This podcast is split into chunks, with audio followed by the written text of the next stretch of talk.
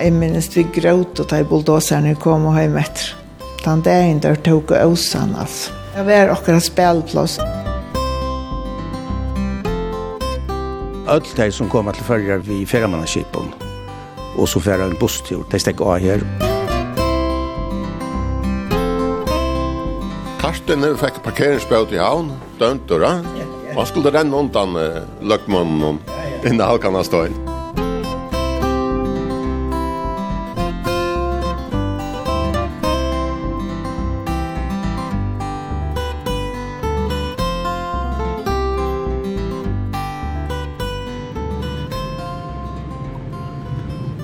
gåan der, og velkommen vi enn ein tur. Jeg vil kort øyne gåa løto, og er kommet tjøkken ein tunnel, som kjør til alt lattare, ta han vær tidsen i Nuslo i 1922. Og i det færre vi at vi tja ein bøyling, og i bygdene som ofta verður sagt at vera langsta bygd i fyrjon. Bøylingeren verður ofta nevntur, tar vi tåsa om kvea skaldskap, tog og mevor, og i var bøndi her, man var akkurat kjentaste kvea er kjærre. Det var Jens Christian Tjurhus, ofta nevntur sjåarbønden, som mittel anna hever erst kveie om orm lenka. Så hette er vi Tauri og Tore, og i bøylingenon vi sjekk og i Kotla 4.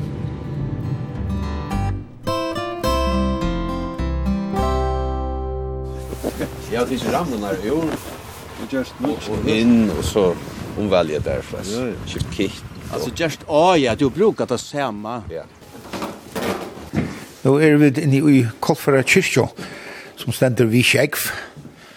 Rolvo Juros, jeg så ikke i man kører fram vi her, så standa ofta større bussar.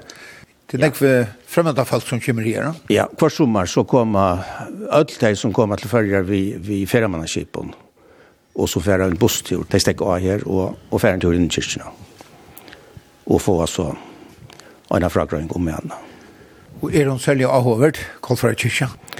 Ja, det er, sier Guds vidt som bygger her. Hun er en av Taimon Tudjo, kyrkjen er vis nedskapen hun her som ble bygd der fra 1820. Den første hun var i Kvalvøk, og til 1824, der ble funnet ikke. Nå er det at hun standes oppe enn.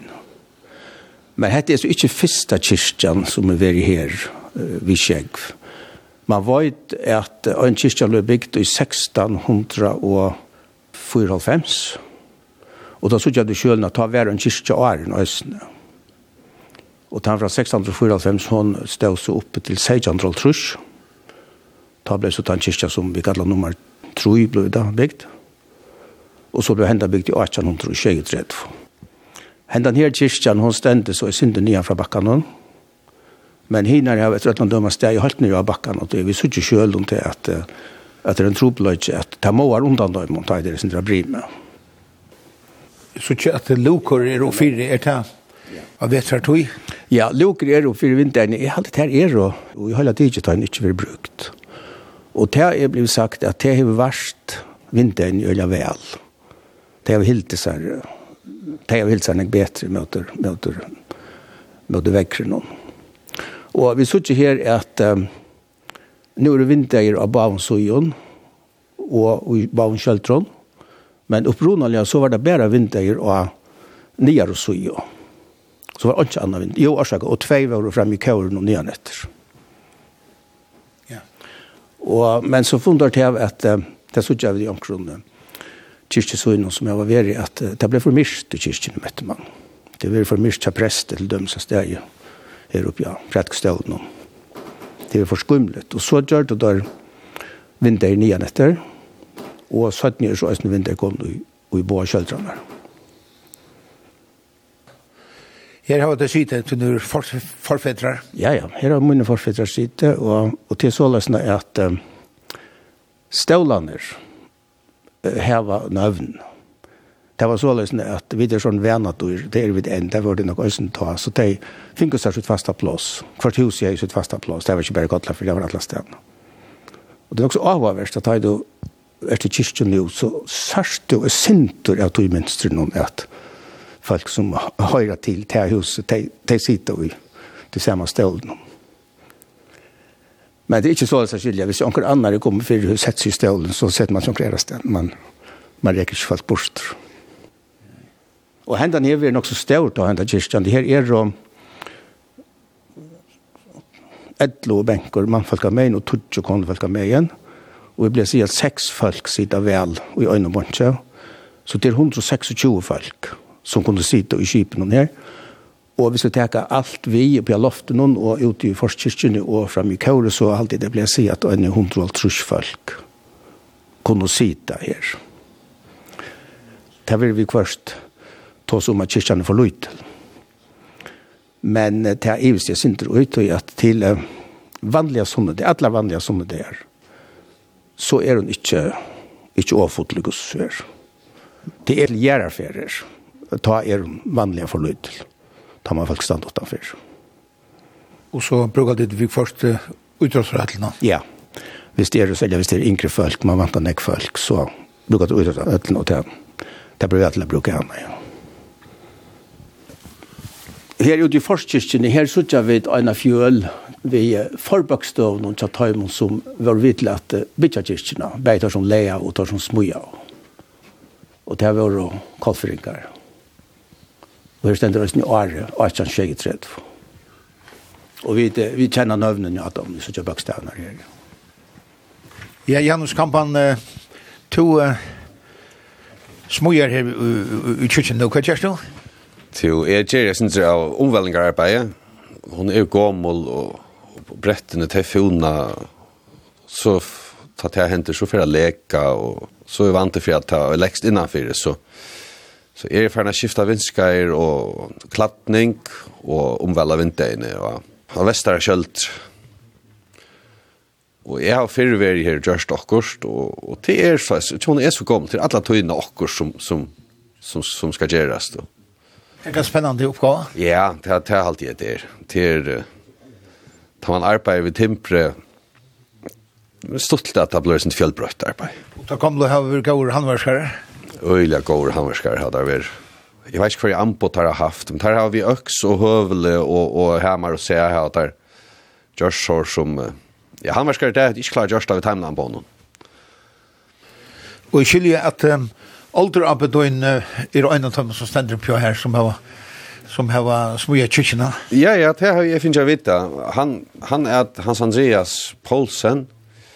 Jeg mener han kom av Tottnese så har han byggt seg inn i hus av Kjellnes, det som er oppe i Gøren. Og det var en også stor familie, men det var fatak. Og så når han sier Vensel, han flott så til Velbast, han ble kalt av Vensel av Velbast, ja. Og Abbe min at Peter, han var sånn og Vensel, og pappa min at Rehanus, han var sånn og Peter, og så er det, så jo jo, ta. Men er tilflyttet i Kottla for Jordhavn, men, men det er noe som sirkelen sluttast på en kramat. Mm. Eh, det første og nekve årene, ta var ikke orkol i kyrkene, ta sunko de kinko, som det gjør da, at lære stedet i Østene. Kyrkene som sagt bygde i 1832, og første orkle kom i 1906. Og til å søve om akkurat det orkle, det var nekker unge menn i Kodlafyr som høtt og uh, hilde, ja, noen kvelden til i Øyrarønsjon, størst kvelden. Døkling og alltid det være. Og tar avgjort så at selja hese kveldene til kveldstøyene som var i Signabø, og at pengene som kom inn for det skulle nøytas til ork og til kyrkene. Og tar så gjort det, og så er det kom det første ork. Og testet jeg fram i kåre. Og søttene har man så finnet pypeorgel som stender på loften. Musikk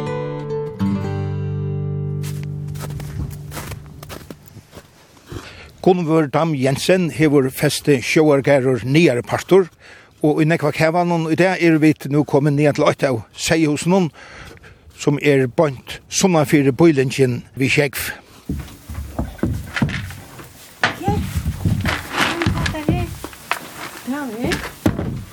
Ja, det er at jeg har en mann som er Brattliga avhaver, han kommer själv faktiskt från en ett lever eller en en gäri i län och shaman på Chasuino. Så han hej faktiskt ösn i blån. Så han var öl intresserad og det var nog huvudsorsaken till att vi fest. Det är ju chatta mer fest ensam. Tid her var titlarna här om man fire, fjallet. Ja, ja. Bon... Til tikkere fjall. Ja, til okkara fjall. Og til løyde særlig hvis man kanskje stender, altså er hine mena iver ja, sikna på. Ta alltid man ser nok så vel, hvor man kallar det en dittla. Til nok her navnet kommer fra. Alltså det var ju det som man hejar rytcherna och och det kunde inte gå se ut som att det land kommer sin ut efter att snack som det är det som är rytcherna som som du sa att han fyra består ju men att det att det är folk. Ja. Og er det gode seier til det, va? Det er alltid så så rymlet. I hvert fall regner vi til at sitta vi i sonen, han er forferdelig en av oss, og han kan grøle høyt opp i etter her, da vi skulle velge brunter, og at, at, at mater skulle være på blås, og sånn. Det er alltid, altså, det sørste årene er, er er brøtt nok sånn jeg, i hvert fall da det er til seg jeg synes så det blir brett urslitt enn da hvis jeg også nøkker er at du tog inn her. Vekten er gode også, ne? Ja, det er så rymelig. Altså, vi har ikke nøkker øyevekt på nøkker mater. Vi har så lydig av underheia i det, og det er sånn du regner vi det kompenserer vi, vi at djeva eika, men, men vi pleier litt om mye, altså. Ja, det är färg allt i, i, i grundstation. Alltså, du vet. Alltså, det är, vi tar nästan inte efter själv. Alltså, det är ett löjen. Och så är det här inne vid Pelagic och helt in till rundkörnsna. Ja, det er faktiskt største pastoren av åkara heja som hör till okkara feste är ferdig till Beijing det var faktisk samme skil ta vidt i uttøk, så det er ikke så øyne jeg så igjen til. Men det blir vel til, uh, selv om du nesten langt kan behøver at her var gående seg Ja, det er i hvert fall det vi drøyna, og, og det, er, jo jo, altså jeg vil si at det er seieren en janknonsnytte til åkken, altså det er nok lunda det samme som tar vidt, tar vidt i uttøk, og det er mannbøy som hun har gjort forferdelig fire at lukka som at omstøvna skulle være gåar. Vi tar til dømes fem seios. Det hjelper forferdelig vel. Ta og særlig nå jeg, akkurat nå, hur det vært, altså, det var nekk ødnar vi var, men det var også nekk hva vi vet. Så at det er noe slags han vidbyrja, altså smått, smått a djeva, nekk for en mannlet. Og ta er det i hvert fall bedre at vi tar nekva støver vi seieren kan komme til seihusene, ja, og til, til, til sin latt der. Kjemmer alt til seihus? Du hever alltid akkurat som blei stikt, ikke mer åman, og så har nekka til det råkner vi at de fleste som får oss vi sier kjenner til. Men, men det er altså ikke nekvar per år. Så det kommer om man få oss her, og så fyrt det nyannatur? Ja, ja. Og det, det er i hvert fall... Uh, Alltså, hvis vi ikke gjør det så hadde vi slett ikke kunnet haft det antallet vi hava.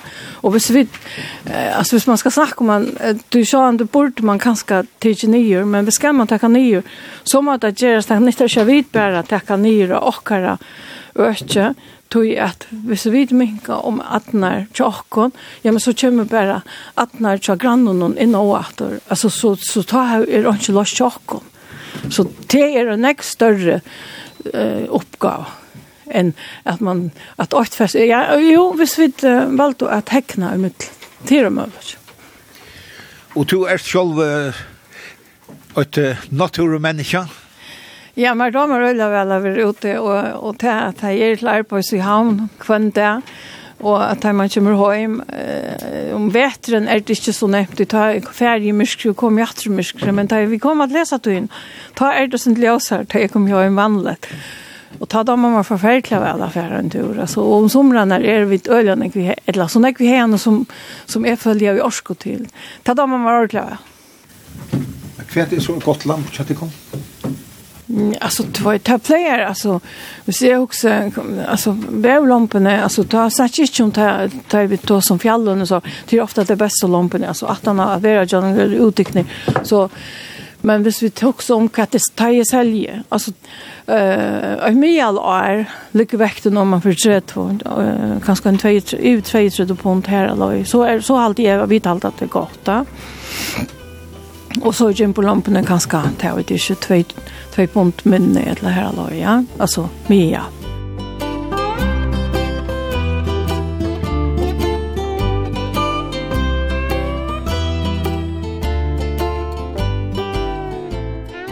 er standa onkur gommel pakkehus, Rolvur Kjurus. Hette er ta opprunalega vi kjekk i Kotlafyrre? Ja, hette det opprunalega vi kjekk, bort innanfor kyrkjena, og bort nedanfor handelen som er her nu. Og her var den gamla lånen vi kjekk, den gamle sjøargærer. En lydelig parstra av husen og sast i det, men uh, det var nek større enn det, nek langere enn det her. Og akkurat Guds gommel til husene eh, er eller vår og det som står her, det vet jeg ikke rettelig, men vi må så gus sur at det er steget ta i trobåten kommer, om det er munt ta i konkur for å skrasette alle gjerne ikke ser vi, vi gjerne bøkken og festebrøven. Da må jeg da, da bønte vi for å bo her. Og hese husene stod så oppe til 1930-årene ta blir det så nye tidsen, og bønte ned bygde som nytt hus. Det er innast av husen stender etter. Altså, så gjerne husen blir det ikke nyr, det var brukt som hardt hus. Og vi kjenner nøvnen i Ataimo som jeg var bo her, de aller fleste i Gossesvier, så gjerne trobøtene, eller så gjerne 1504 først, da gjerne byrja. Og her har vi vært imisk kjent folk, folk som vi da har hørt om, Ein av bøndrunnen, hvis hun bare færa fram til 1600 nækka, han er Dyrikur, Dyrikur Jensen. Han giftest vi ein av um, presta Ancho, danskare presta Ancho som er Johanne Marie Bohm, og etternavnet Dam. Det er stedet fra henne. Det var sånn at hun og Mæveren, han var også en danskare, Anders Hansen Dam. Og det var sånn den første som kom til følge av etternavnet Dam. Og de ble Andreas Dam og Johanna Maria til finko en døtter i 1624. Hun ble kallet Stina Dam. Og så dør hesen presteren stuttat han også. Og for jeg gjør sønnen stuttat så giftest Antjan Johanna Maria vi dør ikke vi skjegv. Og de finko så fløyrebøtten sammen. Og han fostret i Sostino opp øysene. Og Stina, hon giftet så vi bøntan ut i Homron, her vi kallar. Og en andre døtter, Tjad Heimbavon, Dyritje og Johanna, giftet sine øyrarønsjen her i kallar. Og det som så hendte var at um, det var nok prestene som stod ut ned, at ta i presteren døpte etterkommere, etterkommeren Justino ut i Homron, de finner bare, bare om, som man sier, navnet Johansen til papen, at Jekvann medan inn i øyrarøndjen, her skriver jeg en dam i kyrkjebøtjene. Sjølt om de ikke var atta fra presten og dam. Og hette er nok så stort litt nå til at folk som øyde dam, de gjør nok så nekborsyns nå, hva er det rette damna og hva er det skøyva damna. Vi som ikke øyde dam, vi talte det bare var stort litt. Men hatt er oppronen, det er jo noen folk som stavar fra Stino i Homron, Stino Dam, til det rødt. Og de som stavar fra Hinare, er ikke det rødt. Og så for jeg gjør søvnene sin det langere, så hendte det at en av etterkommeren til Hesare Dam og Øyraronsjon, han er Peter Mordam, og han giftes så vi en av gæragenter som det kallet, og det her vi skjegg, for han som giftes i henne, han fikk gæren. Og legg merke til det var han som fikk gæren, det var ikke hun som fikk gæren, kvinner kunne ikke festa ta. Og det var så snill Peter Mordam av Øyraronsjon, som tar kom till sjøer, vid tog, om så man säger skojva damna for jeg hadde stått litt.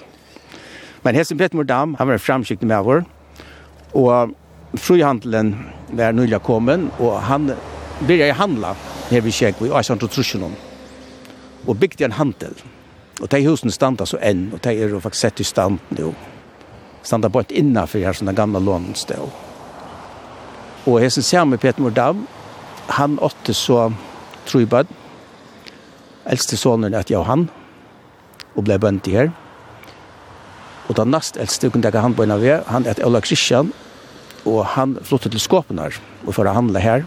Og han var pape Peter Mordam, som sa at han ble løgt med over. Og Abbe Atla Dam, som også ble løgt med over.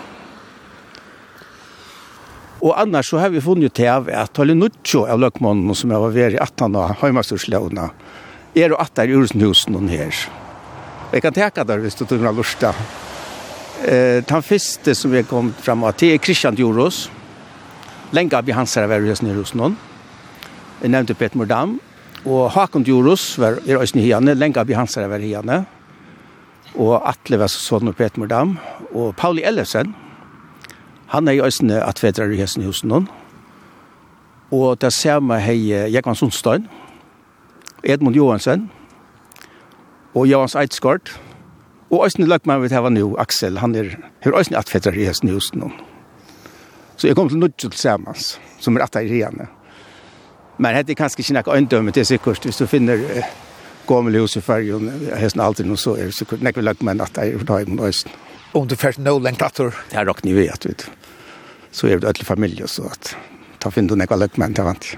Man finner nekka hvis man tar man fast i atta gransking, ja. Etterkommerne Chastino i Hamron tar fyrst og tar ut og som sagt Johansen. Men søttene er til øyne for å bruke dam. Og det er som sagt rett av damnavn. Og det er nek som øyta dam vid fra tog at den nye øyne.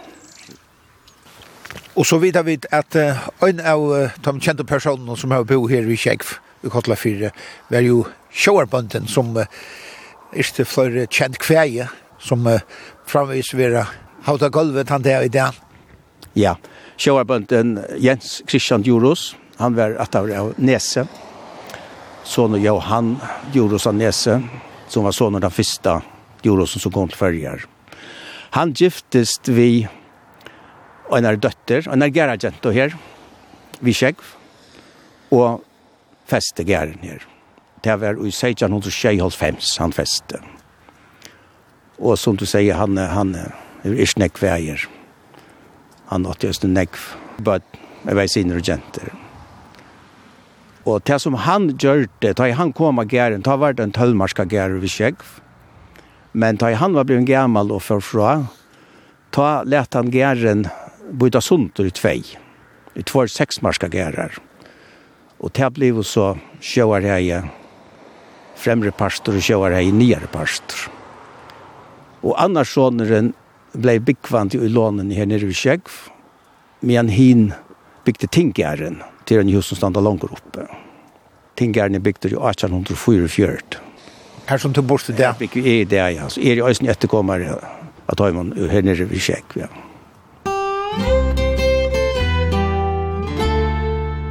Peter Mordam, som kom av Øyrarønsson og ble festet her, han begynte å handle i 1830 og han bygde en handel. Han byggde en hus. Og de stod bort innenfor de gamle lånene, Stod ovan nian. Og de stod helt nere i fjørene.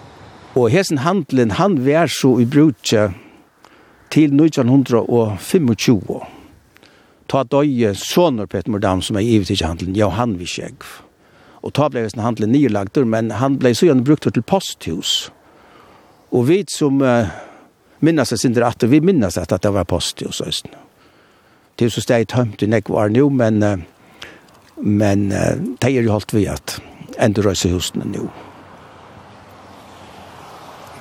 Eldste soner, Peter Mordam, som vi da har tås om, er Øyra Rønsson, han heter Johan, og han ivet også handelen at han har papan, og hesten Johan, Johan Dam heter han, han er kjentur her i Kotlafyr, og ganske syndere i fyrrjun, er han i Østene. Han var tinkmær fra 1903 til 1918, Og han var øyne av de første ja, baptistene i fergen. Han ble, ja, hvis han da heter omvendter, nok så tullig, han var nok så unger da. Og han var uh, sterkere i trunnet, altså han, han visste hva han gjørte. Han fanns en kone av Stronton, som var 20 år eldre enn han. Det synte gata først, så han ikke kunne gå steg klar av opp, men det klarer å øye vel opp, skilja det alene. Og en av årsaken til at han ble baptister, har vi har hørt omkring søv om, det var til at hun, Elspa, som han gifte seg i 17. Hun var arbeidsjenta vestre i Mivvaje, tja Gottfred, det har vi da mer om, men han var som i skilje handelsmæver og, og hei kjip. Og øyna for han er i veren i enten var det Hetland eller Skottlandet. Da kom en mæver vi om til følger, og det var slån. Så et av de første folkene som slår over hit i färgen, det er Elspa, enn den her unge arbeidsjenten, som søytene giftes til Johan. Så vi drakna vi at det er hun som hever avvirka Johan utrunne. Vi sier i kjølen at de er gift og i tinkhusen og i havn. Ikke i kyrkjen. Ja, og en sånner Petmordam, jeg synes jeg som kommer av Øyren John, etter Ola Kristian, som følger skåpen når det handler han døy unger, og Johan åtte ikke bøten. Og ta Johan døy i 1925, så skal onker i utekka gæren, og ta var det grunnen til Peter Mordam, som søtten ble løgg med over, som var første med over at i utekka. Men det er kjent at Peter Mordam var likanlige uh, vøyker, og var nok ikke før fyrir at uh, ivetekka gæren. Så det ble bortjansare. Johannes dam. Hannos vi kjeg kallar vitan. Han flyttet så her ta under 1925 la bort at han var.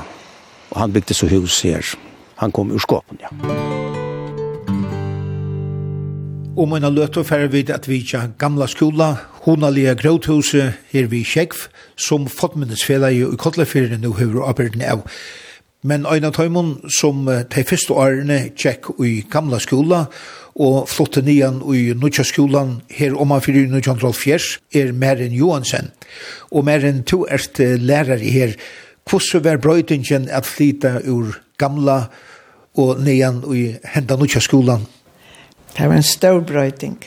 Her nere var det bare at vi bare tverst over, og det var bare bøttene, og løyene og norsund som gikk her.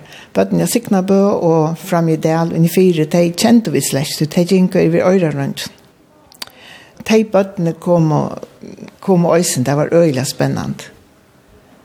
Her nere var det bare tver tverskola stover, og de små bøttene, de gikk i skola 18 døvra, og de eldre og en døvra. Og jeg var kom i fjøra flokk, da vi var nye her skola. Og det var bare min årganger ut i flotsen. Det var ordentlig spennende. Og så fikk vi nøkra træt innan og fyr. Og det ble flere lærere av øsene. Og stovene var ljøsere og større, at vi måtte det var i åren.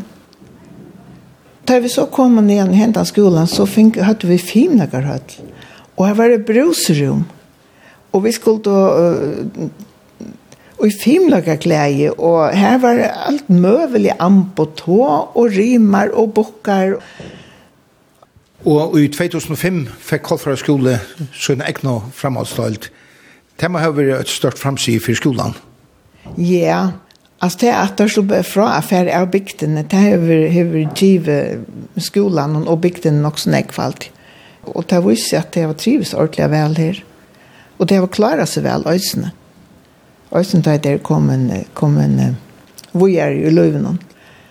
Så her har vi uh, ladølt, midølt og hadølt. Så først er annar tre til ladølt, fjør og femte satt i midølt, og så er hadølten til kjent i 8. og 9. Det rikker ordentlig vel. Så møttes vi til myhøtlene til morgensang kvann morgen. Og tar det og selv til skjærelsesgrannet. Og det er alltid spennende å skifte dølt til det akkurat som så er det noe nytt. De som er eldst i øynene er dølt gleder seg å komme på eh, de eldre døltene. Mm Og, og ta ta skiften i halt i gjerne nakka vi bøttene i Østen. Merin Johansen, og bor noen her framme fyrir okkon, litt gamla mynter, her så tja vi til bullingen vi sjekk, Arren, eh, hesen her, landsveveren kom, som er fram vi sjåarmalan. Det var en stor brøyting, tja det kunne?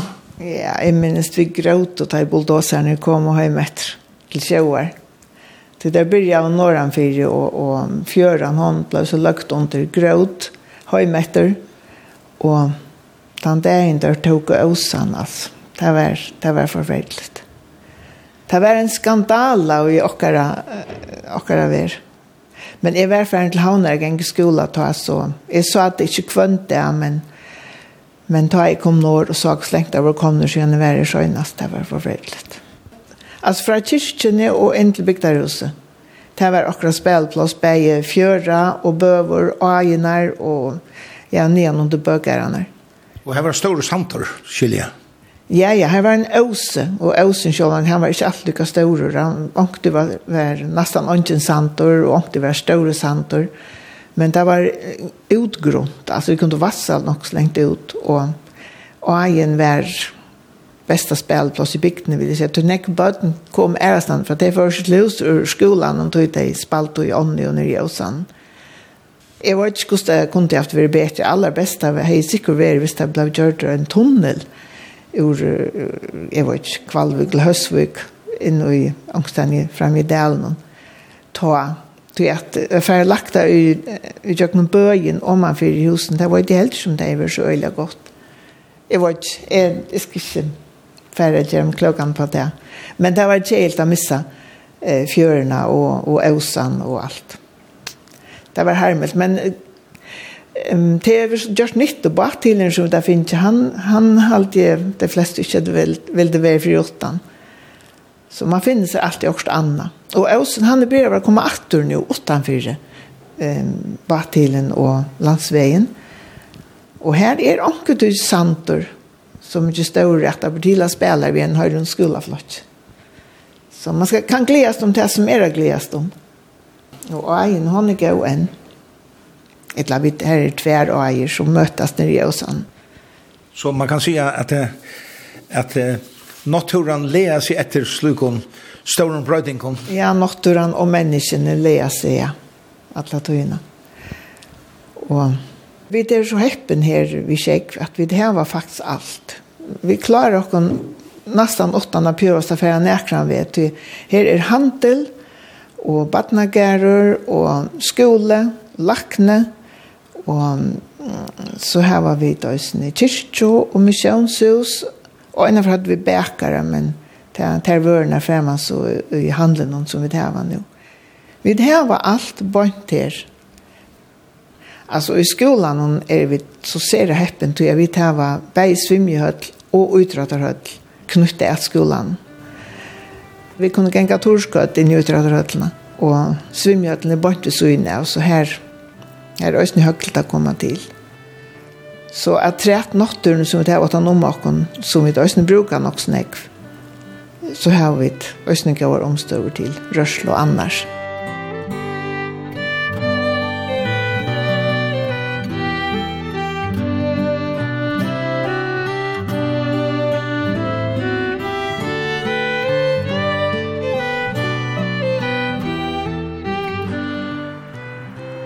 Vi standa framvegis her vi tar eldste bosettingsna vi kjekk vi kallar fyrir og Rollo Juros jeg skilje at veveren som kan gå fram vi her veveren ble kjørt ut i kjekkven Ja, han er lengt ut i sjøen Altså, hvis vi vet at du steg her som vi standa nu för trusjaren så gärna så står vi helt nere i fjørene. Men vi standa lengt opp i landet nu. På en som vi standa her er en en en grover en svärror gråt gärror leavor och titta vi rätt och brim gärren. Och det var flera värje husen som stod och hållt ner i när vi kör malan och i visst där värre sin brim. Han är flera meter innanför vägen så tar vägen blev gjort ur första halv fjärsen och ta lå han längt ut det ut jag kör sjön. Så väven är färna stäv i alla fjörn här. Ja, han får vi alla fjörn här och där har du en folk eh, grämjas sig om Alltså bäg här som vill stanta och, och längt in efter och längt ut efter. Är han färdig och här för Jakob var en ölja, ja, pener santor, sjöar santor. Han är veck under under vännen. Och som löjes så var sjöar Brick vi kallar vår. Hon check ut från är så vill stanta. Och hon var gjort i 1904 och det var här mjölkabatren leje att Og veveren er så gjør det ut i halva brunna, så det er så lydig etter av henne nå, men det stinker sinter ut. Så hun er nok så lenge etter, etter tatoen? Hun var lenge etter tatoen, ja. ja. Og hva hette, altså, den øyneste løsningen man tog seg om? Um, nei, det var flere løsninger, og det var uh, jeg vil gjerne drutt åreskiftet om hver som veveren skulle lidja. Altså, det som tøktes det var... Uh, Ikke bedre til, det er å legge nødjan ved her som den gamle veveren er. Det er så veldig øyndeløsende, det er sånn langere mittelen husene. Men det bygdene? altså og bygdene, ja, men det er for trånglet. Så hette var øyndeløsende for ovan i fjørene her. Og en annen løsning som nek folk det jeg sier, jeg er den ratta, men det er ivist det, og det var at veveren, jeg har sett her tekningene, veveren skulle bare gynne bort åma for det gamle husen som var her, vi kjøkkenbygdene Og det vil si at vi hadde haft en vei bort om av frihusene, som er nå. Og den større byggingen som er nå i Kotlafire, ute i Homron og ute i Bø, som vi kallar om av frikirkene, hun kunne ikke komme, det er vi en, en landsvever. Så jeg halte helt ikke at det har vært noe gøy løsning. Ikke til at jeg halte hette vært noe gøy løsning helt, men Og en annan møller hei så vært, men jeg halte ikke han vært på tel, og det har vært lett av veien om av fribøkeren, atlan veien, om av fribygtene. Mm Og det er nok vært den beste løsningen, hvis vi vet uh, också om hvordan du ser ut og kunne kunde jag säga ut. Og och kanske att han dyraste. Helst han dyraste. Då är han kanske ikke inte tidigt vi.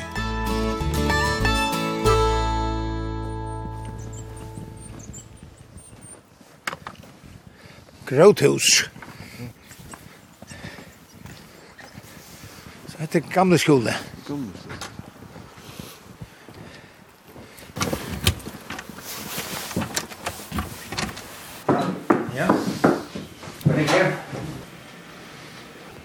Trygve Samuelsen, etter er så gamle skole i Kallafire. Ja, her var det opprunnelig bare en skole sova. Resten, helten av skolen, det var oppbygd av læreren. Det var det vanlige, vid de første skolene som var bygter, her bor læreren og i skolen. No? Så den ytre helten her, hun var skolestova. Søttene til læreren flyttet ut, så var uiboen til læreren tidsen til skolastået, så her var det tver skolastået til enda. Og hesen skolen er bygter i 1800 og 1924, og han var brukt til 1970. Attan og at skolen for igjen, så var det brukt til ja, uh, spærekassen til i Røyna tog, og kommuneskrivstovar var øysene, og lakne helt øysen til øyna tog. Og nu uh, Fatmenis, for bygda fyrir i yfirtidje skolan, og hever den. Det er øysindur sett opp her. Tryggve Samuelsen, her er du ikke skola sjálfur? Ja, ja, her er vi ikke skola, ja. Og Öll teg av munnen aldri jeg var sjående ikke i skole her. Ja, det var ikke gamle det her, det kan man si, ja.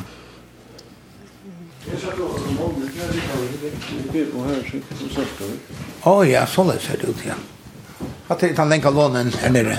Der har vi stå, inne. Vi kjekk. Det er sånn ja. Det er en lenk lån. Ja, ja. Og her er det handelen er det, og så bare utbyggt. Ja, det her stender her, og handelen er her. Ja.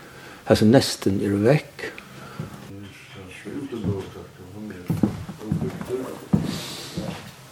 Og her er en nødkjære myndag. Alt sann og takk og fors og det er noen kyrkene vekkene av mannhjøsrøy. Men her er uh, santoren nede for kyrkene. Ja, her er santoren nea for kyrkina. Her som veveren er nå. Ja, her som veveren er ute, ja. Og uh, Sjøvarsantor som er langer inne, han er borster, han er ferdig under veien, men uh, nå er Santor vi å komme atter utenfor veien. Til egen Sjøvara, hun ber sjøen til Sandvisser ut av kjekk nå som fyrr. Og uh, han er vi å komme undan uh, nye for Øsan her i kjekk. Og her uh, er jo konen der for å svimja nå. Sjøsvimjik som det kallar det eller havsvimjing. Så hos han, han ble, som man sier, bortavvistor, så kommer han attor sandren. Ja, han kommer attor. Det är egen, hon blir alltid sandvissar. Victor? Ha, det är den första ordentligt. Ja, det är den första. Det stemmer. Ja, ja, ja, ja, ja. Ta sen til framsynning her. Ja, ja, ja. Ja, så mynden har vi ofta sett. Ja. Hesa myndna åtte omma min. Å ja. Hon var av Chalmers, ja. Lensa Chalmers, ja. Ja, ja, ja, så hadde det lenge på meg. Ja, ja, ja. ja. Her er nekka av, av Luton. er nekka fra Luton, ja. Ja, ja. Kallar fyrir er Fatminnsfella av stående i Femsonen, og kommunen og Fatminnsfella av stående og så bygda stående. Mm Hølen er sjån det ikke så stort til å ha nekra fasta framsynning i, det er det, er det ikke. Men man ser huset sjålt bare varmut til standet det er ui. Det er jo en gammal grøvbygning fra 1824 og vekkerbygning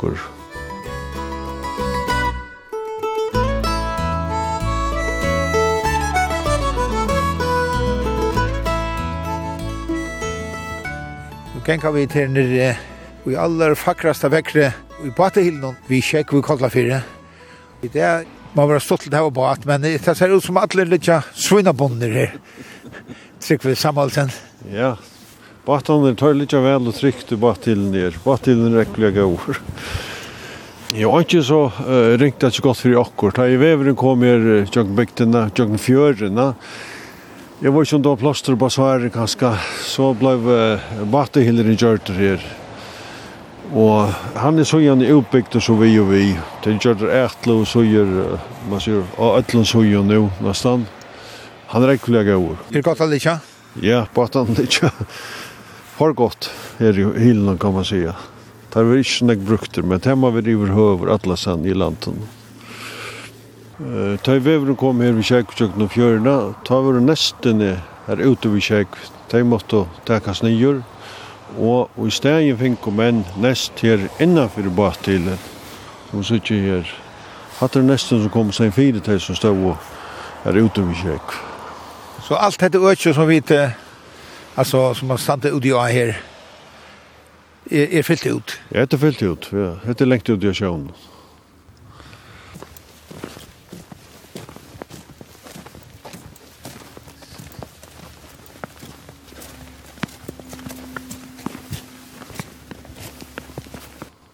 Rollo Churros, nu standa vi på en innanfyr Batehilen, og her er en stor støyner vi en særligere søvå.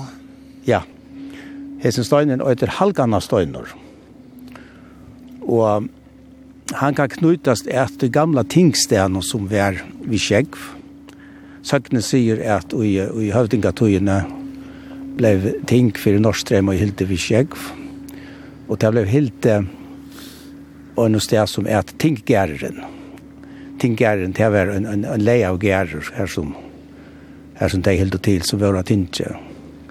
Og her standa så huset der, her som jeg bygger selv, til, som var det tinggæreren. Etter, etter stedet, som var åren. Og søkene sier til at uh, tar som ble dømt til deia av tinge, og tinggæreren. Tar fikk høve til å renne omtann løggratte mannen noen Og hvis du klarer å renne helt inn til Halganastøyen og komme på Halganastøyen, så var det fruje menn.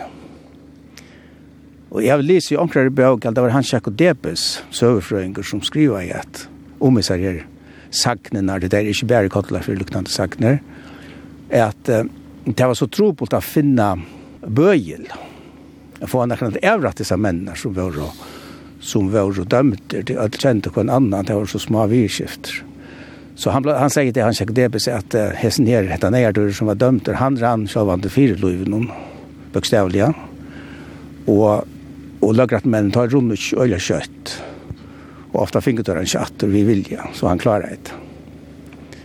Men så här var det annars där sted uh, i fjörden, långt ut i bygderna, som var ut i Agolka.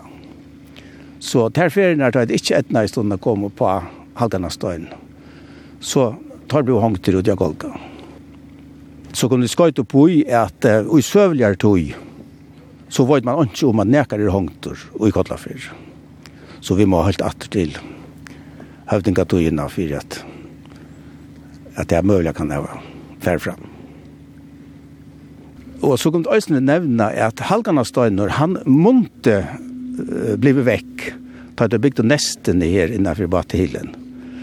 Men uh, det var jo folk som uh, varna oss at det er kvart vær og holdt vi henta og hon som bet Paula Kristiansen hon vær i bygdaran i Kotlafyr og hon vi gjeva henne høyren fyrir at han blei bjerga og tar bygde ikke nesten i alt her inn. Og Paula hev nok òsni høyren av at, at Goldjen som er holdt nere i fjørene langer ut i bygdene at han ikke òsni kvarv tar det gjør det veien tog at landsversk altså etter ta i ta gjør det veien, etter at har sagt fra at varva i dag akkurat det stedet, så det er ikke før i skranet.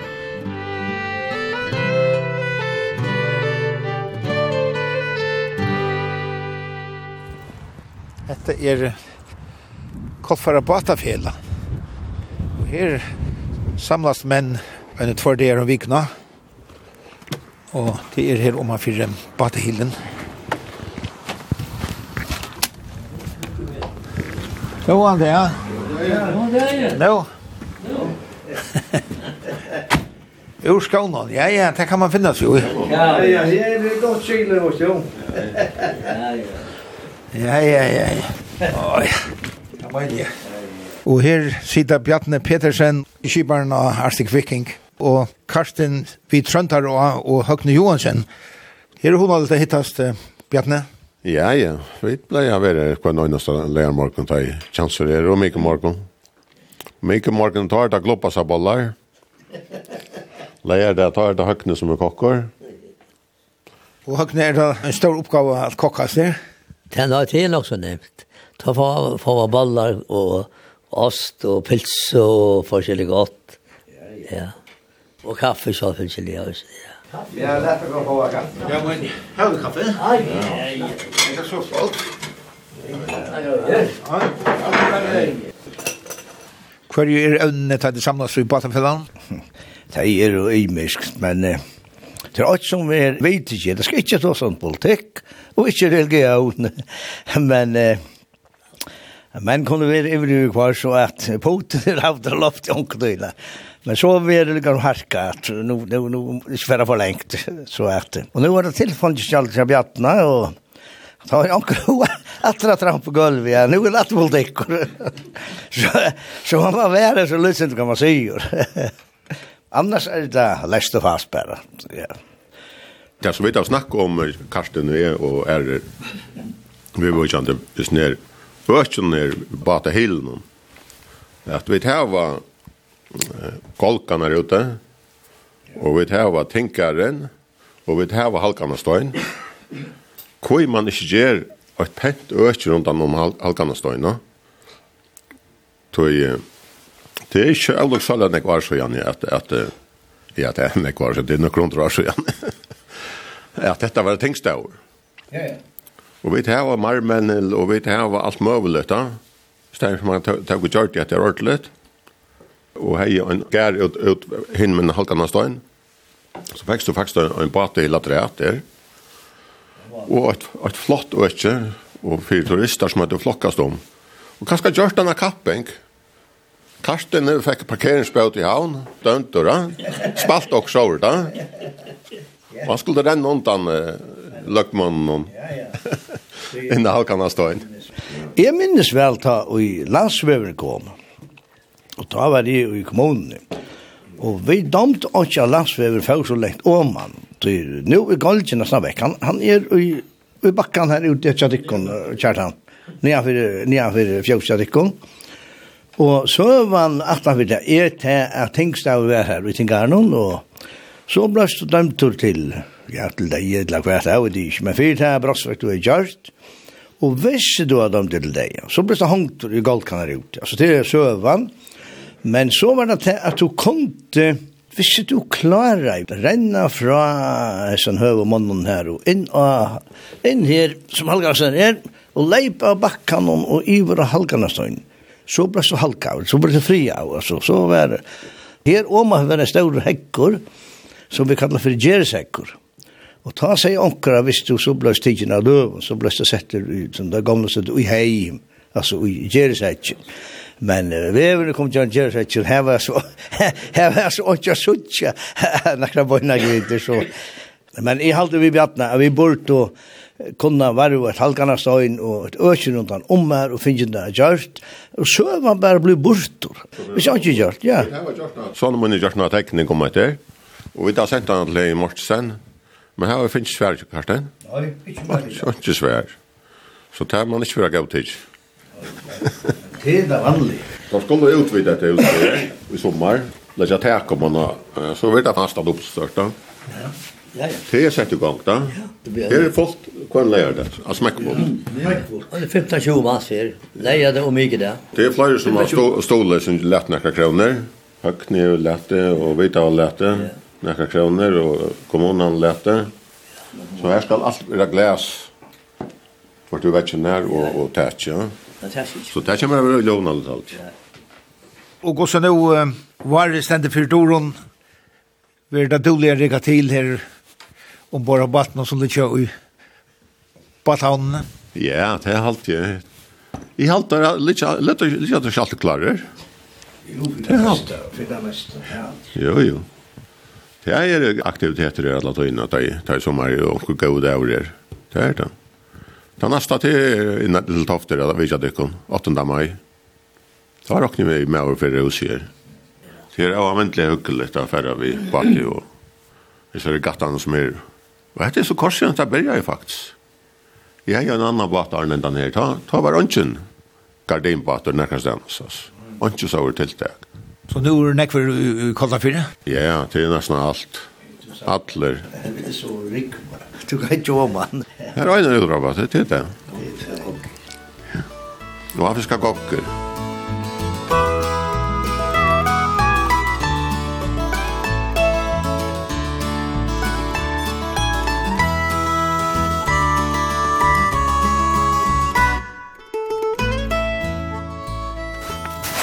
Unge handelsmauren i Kotla 4, Bergur Robert Stam Jensen, som er fjóra atali og i verandi handli i Kotla 4, Karl Jensen, hefur staurar atlander om at varvoida te og varvoida skan fra forfedrunnen her vi kjegv. Etter stendur Hotsjose av de gamle bøndalånene vi kjegv, og bønt innanfyrir her er gamle handelen som var handel fram til 1920-årene. Sånn var han posthus. Og nå fyrir Bergur at vi sa gamla handelen. Hotsjuset stender her, rusta tetja og tømte innan halvdje, men eh, nu for Berger at vi så kon gamla handelen. Som du sagt, vi vet människor har lagt flera av, av tetjer. Hette den gamla handelen, vi kom fara om, om annat enda vi. Hette er upprunnade två gamla näst. Här man så har lagt den i övertrumma och, och det har jo vært Och og kofferingar det känner oss det gamla posthus, ja, så det vil si at, att at länka min kommer som, som kommer till gæren här i Bøynt, Johan Jusek, eller Johan Dam, vet han som, som han skulle täcka i vår ett. Han hei handel her på til 24 han døyr, og, og lenka han kommer her, altså, til jeg vet at alt som minnes han, han var så bestemt ikke noen handel som jeg var. Så han att alltså inte handla här på inte, men här är det ta positivt av vet du att att hinare biologisk grön som är alltså tja tja appa alltså Karl Jensen länka men han han käm så här på inte och tjej ju och börja så handla så för mer. Så med den får ju tjej ju och inte handla väl här. Så så heter är faktiskt man kan länka så stått att heter är två sammansett näst vi en EU-troma som över packhus och handel och pasthus. Vad attlar du vi oss ner? Ja, så jag vill det är upprunnen till till det handelsverksamhet som som är där som för att attali här så att att kunna visa ta fram onkelsväckna vi till söv och som som så fyllt då och så har vi funnit ösnen näka som som näka något och det är det att vi har funnit ett par pojor som säger det att säger inte något ju här man sålt ut ur sin väckningen och stepet och kretet. Det har vi så säga att det är man hever nok ångsøkene haft samband med kongelig øynehandelen her på en åren 1886 som er avtidgjene. Det har du ikke vita før? Nei, det har ikke vita. Kottafyr var ikke nevnt som uthandel. Og, og, og så jeg følte så at det er en parster av av avtidsøvelige omkvarven her, her vi sjekker Kottafyr, og her er ikke i oss og øya. Hattjus i et her er er jasta og atlan tog som hevi vi. Det gamla bojen vi sjekk, va. Og til standa så jom så i. Det standa så jom så i. Och kör han där vi ven men så sagt att det är ett rosta tack det har ju så og så er det ett som är just det gamla stand utifrån. Det är så att här eh gamla apostels ja. Og til point in från her här buss stadjeplatsen om. Ja. Men skal skal du in här check kom. Ja. Jag ber om det. Ah, oj. Det er det. Å, ja. Ja, ja, jeg har hatt diskuren her. Du sa det her, ja, nekvar steg og, og her er sikkert nekvar gav over sagt der inn her, det er jo ikke unga løtt. Nekvar gav kolfringar. Du hjalp jo her, du sa det av malin og så sliter, det er neste vi gjør, det er ordla, ordla mjukt, altså. Ja, ja, ja. Det er holdt andre tog, altså, jeg har fått arbeid, fyllt ikke, det er arbeid, det var i sesonga, så och ta det skulle jag ha såna så det så att Gerans läs så har det kommit in här att börja nu kan man uppleva och säga och Man får man man får man får man brunna ta ta i mjölkabatten kvar kvar kvar var vi och kvar för att. Så heter vi hjärta i Kollafyr. Ja, det är alltså ödde för när centralt. Alltså det är ju Kollafyr i Långsavikt, vi har ofta sagt i förjon och här vi check det är ju ta mitt alltså mittpunkt ju alltså i Kollafyr vi som har ett kors någon och och den gamla kajen alltså där så han brick som han kan brick han där är också nog så gammal men den upprunna i hon där cirka här på mitten nuvarande brick och och och boskolja så tar vi sig att jag tar tar tar lite det här bant och så tar vi så hiva upp här bant och tycker in här tar så vi nu tar vi tag och det täckplattan nior tar så vi till att att här är ett åp och ja man har tidigt var in här bort Alltså det är tunga säcker, hundra kilo säcker och såna Kan? Så det är en halvt ånger tog. halt ja. under tog.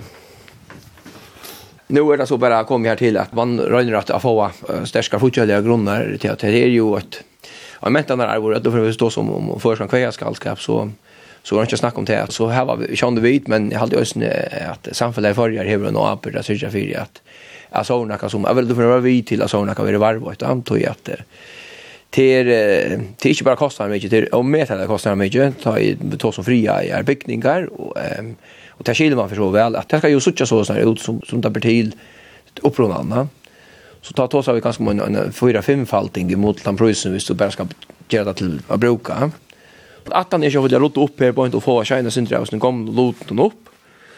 Och så vill det att visa det fram till så en pastor men också ett annat kanske kunna skipa för onkel small församling och onkel slä kanske att det vill onkel onkel onkel onkel bog utgåva är det la fernisering kanske kanske det vara. Så jag och sen ta halt i tjänst för Florida som är samt om det utmod det vänner där kvar bo i att det är så hon att så tjus här jola köttnar åt här att vi har haft jola så utmod väntan här på ett så rätt Så hette det just gamla, som det var opprunalige? Ja, du kan att det här så hur jag underslöjen här på, mot loften Eh Det är terje batasmyren i bygdene som hever steg for arbeid arbete någon. Och er inte øyn kan man se av seimer eller skruva i. Det är han är klinkade fast vid så att det är timpur, timpur seimer. Så det är fält och ja. Och vad så vi har kjøs någon. Ja, har ju så Men det er nok, ja, det är det är nog magnetfältet och i öllnes ner alltså det vill säga det är till hjärsta och görs den här saken alltså till uh, stor tutning av, av vi får att just görs det upproma sant som du sa stora parter är är för glädje så tar jag att att jag ska onkel in att göra det här på men jag har mamma så sätta sin hitch att kan man höra just det är så mycket affärer nu att det ständer inte långt jag tror att åtta utan åtta aborter kan man göra i avvisa moment till tar bra för att just just ordentligt stanta så tar vi en framtida misstör för förs kvälliv. Ja, det för exempel dömer skvist där, Till att till att te och te te ju här i också som ger det särskilt att detta och är är så känt alltså oj oj oj mittelföringar. Te kan jag ska alltid alltså köra på den skrischarna. Så det må vi gärna kan vi. Kvar jag den förrän här om ett eller fat och så vi vi hette ju vär. Och hette så där sista som är rätt. Det hoppet är att kaska detta kan vara vi till att onkel också vad ska jo detta vill jag vara vi till. Så är vi klara ja, det är vi.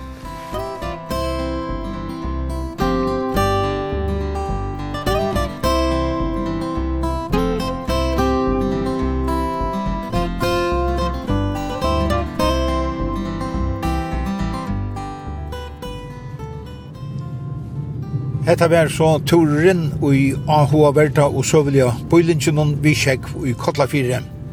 Turen er atter at høyre i utvartnån torsdag klokkan 11 og leierdag klokkan 4. Og det blir øsne til at lusta av heimasøyene til kringvartnån skriva kvf.fo framskak tt. Turen er øsne som potvarp Vi Tori og Tore hever sujo av Facebook. Du er velkommen at dame henne. Så sørst du til og vi kommer inn her med til andre mynter fra Torunon. Takk for i dag. Vi tar rast atter om øyne vikon.